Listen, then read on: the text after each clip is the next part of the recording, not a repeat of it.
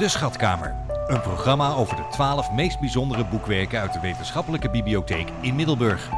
Conservator Ronald Rijkse vertelt het verhaal achter elk van deze 12 hoogtepunten. De Schatkamer. Elke vrijdagavond op Cool FM Magazine tussen 7 en 11.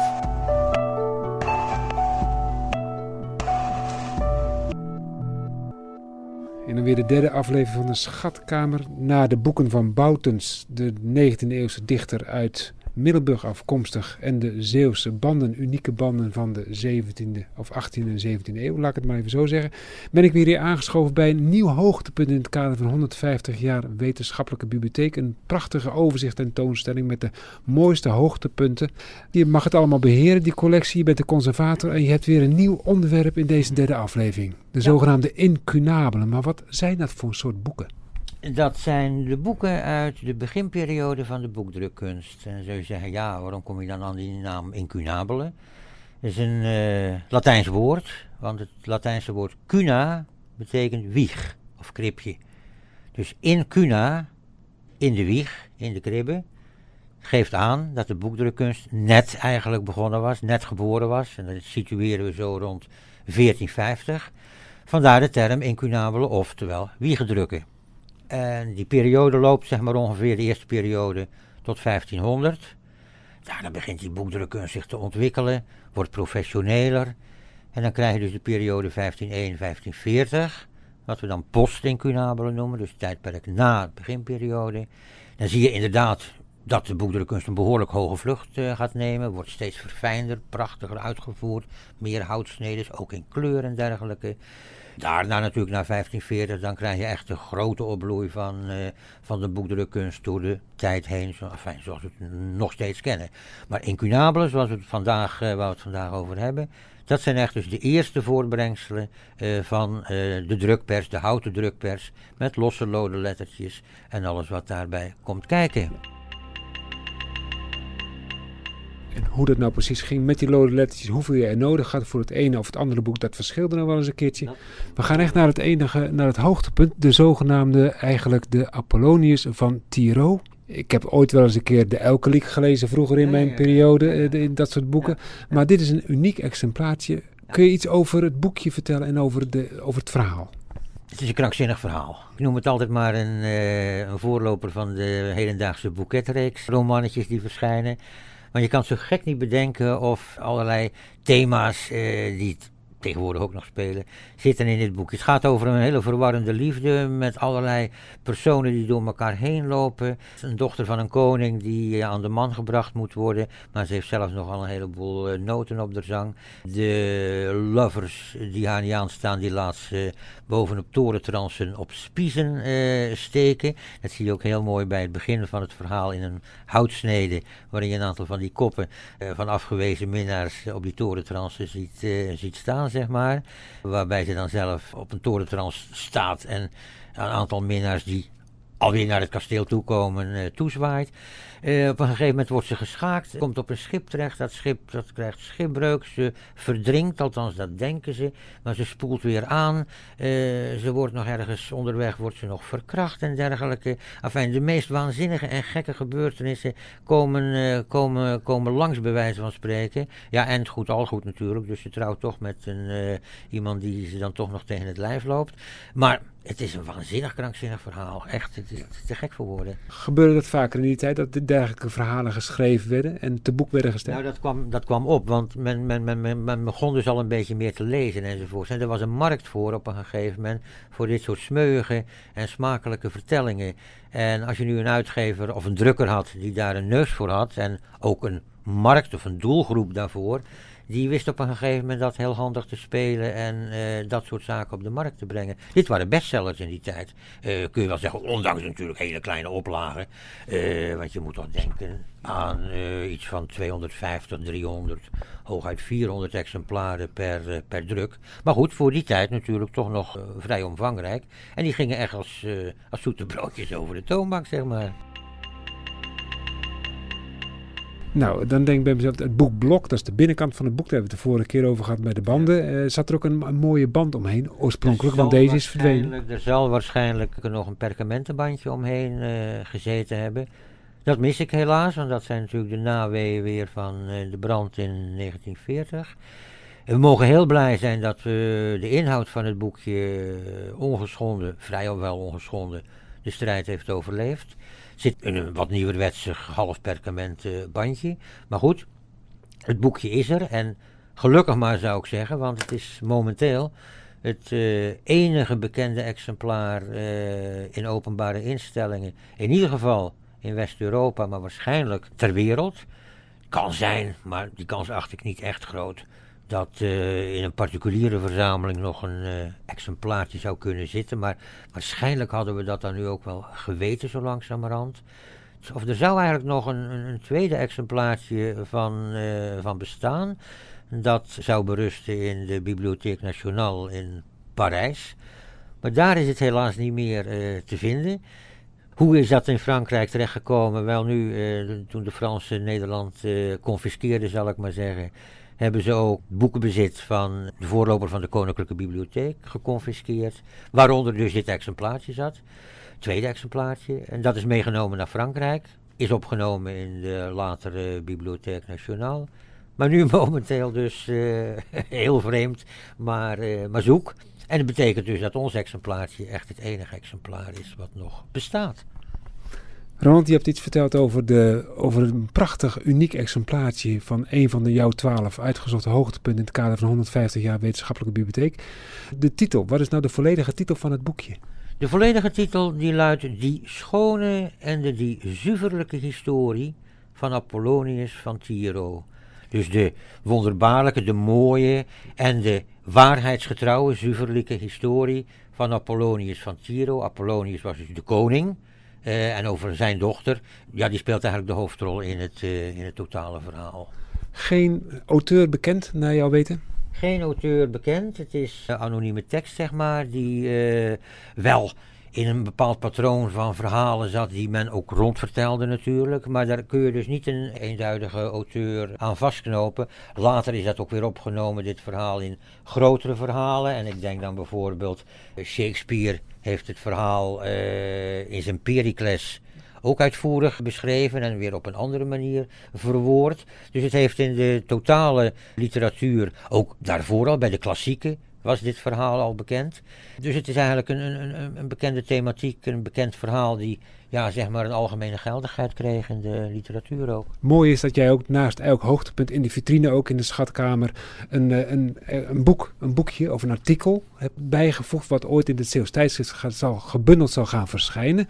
En wie heeft nou deze Apollonius uh, van commentaar mogen voorzien?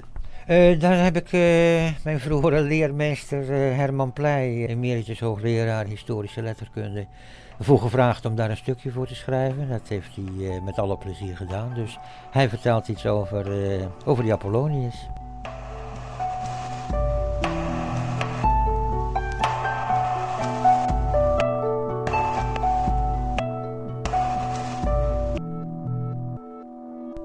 We naar de andere boeken, want je hebt naast de hoogtepunten ook andere kroonjuwelen van de Zeeuwse bibliotheken, van, de, van jouw schatkamer dus ook tentoongesteld. En een van die kroonjuwelen die willen we wat uitvoeriger ook bespreken, samen met de Apollonius. Want dit is wel een heel mooi exemplaar, een, dik, een veel dikker boek. De andere had een beetje een pocketformaat, mag Ja, ik zeggen. ja, en dit is een beetje een A4-formaat. Ja, dit is inderdaad en, natuurlijk van een, van een, van een eh, behoorlijke omvang. En dan is dit nog maar het, tweede deel van, eh, hè, het bestaat uit twee delen, dit, eh, dit werk.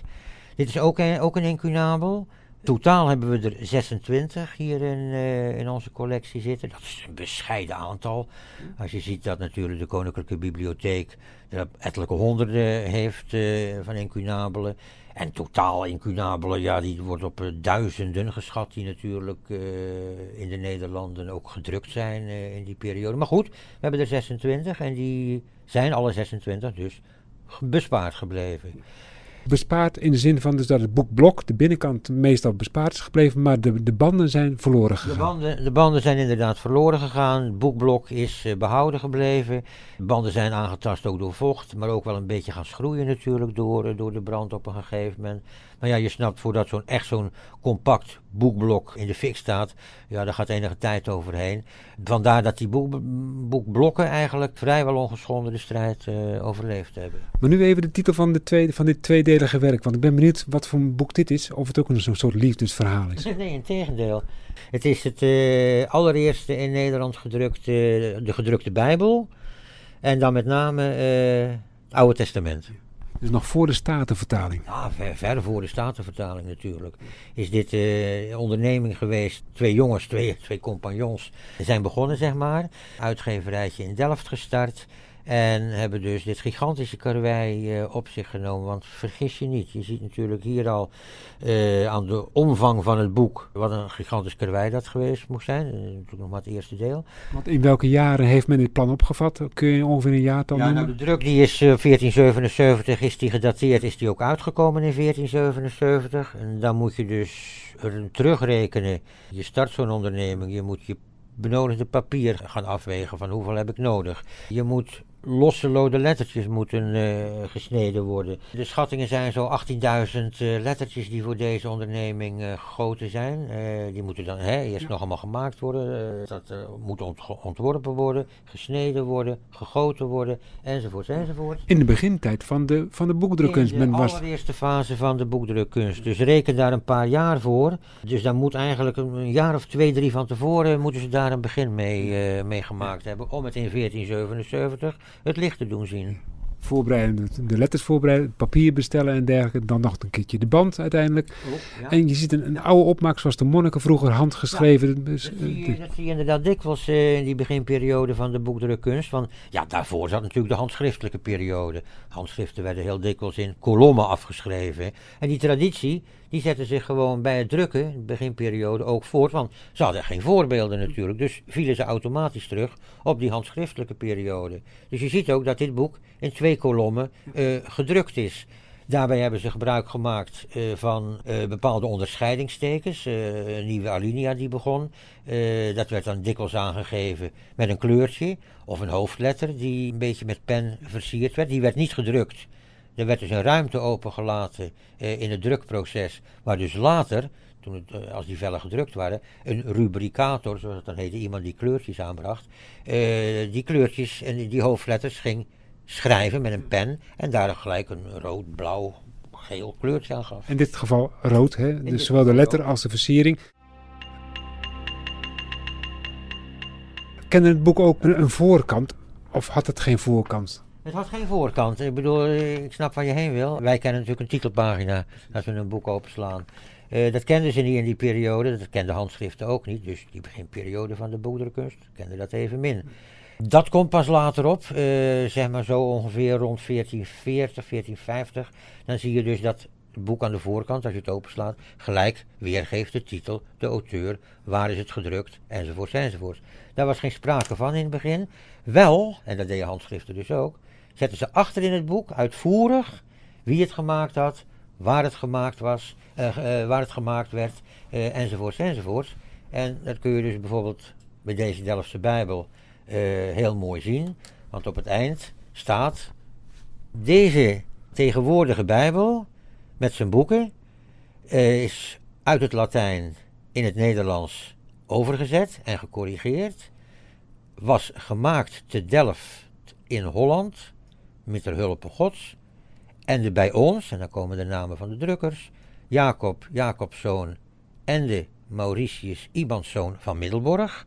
Curieus, Middelborg. Waarschijnlijk een ingezetene geweest van Middelburg, die met zijn compaan uitgeverijtje in Delft is begonnen. En dan staat er op het eind, en er wordt voleind in het jaren der incarnatie ons heren 1477, den tiende dag der maand januario. Die me op die dag zag het boek het licht. En dan geven ze daaronder hun wapenschilden weer, de drukkerskenmerken die ze voerden, die twee jongens waaraan ze te herkennen waren. Een titelblad als laatste gedeelte van het hele boekwerk en als allerlaatste pagina slaan we nog één bladzijde om.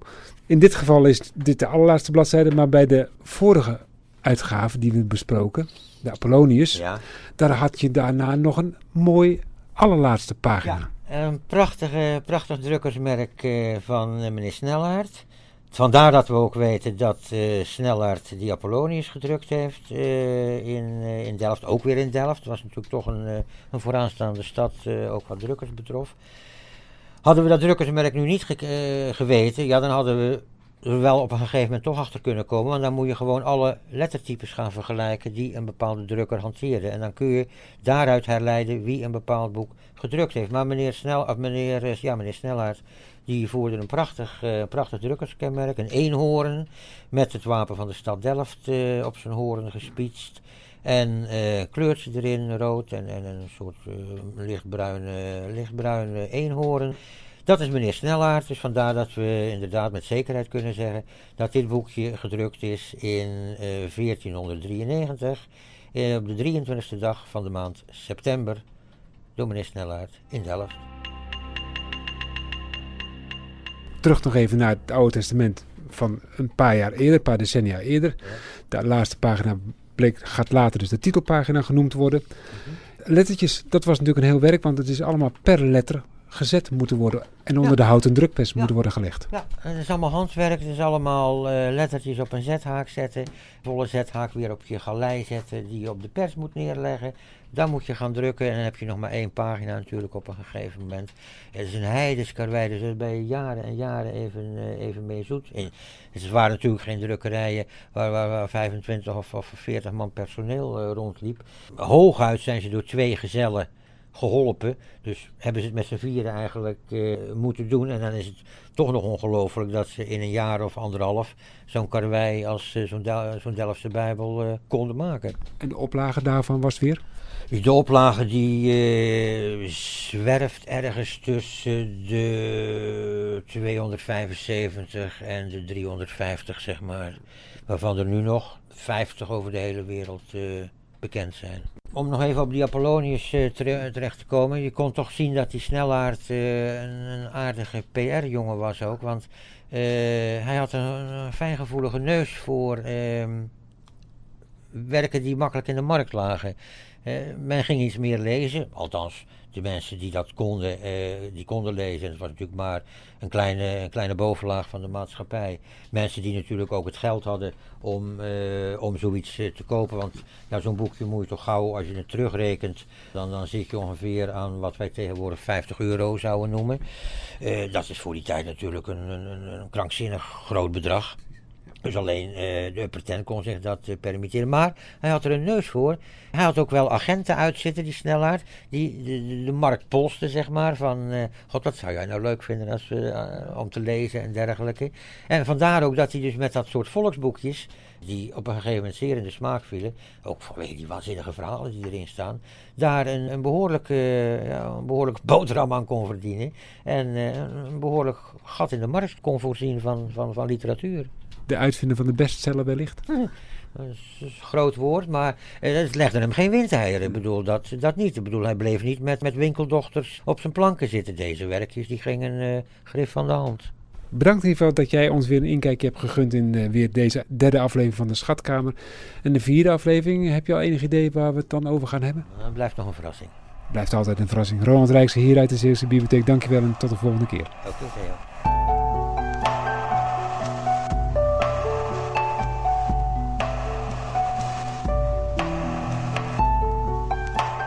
De Schatkamer.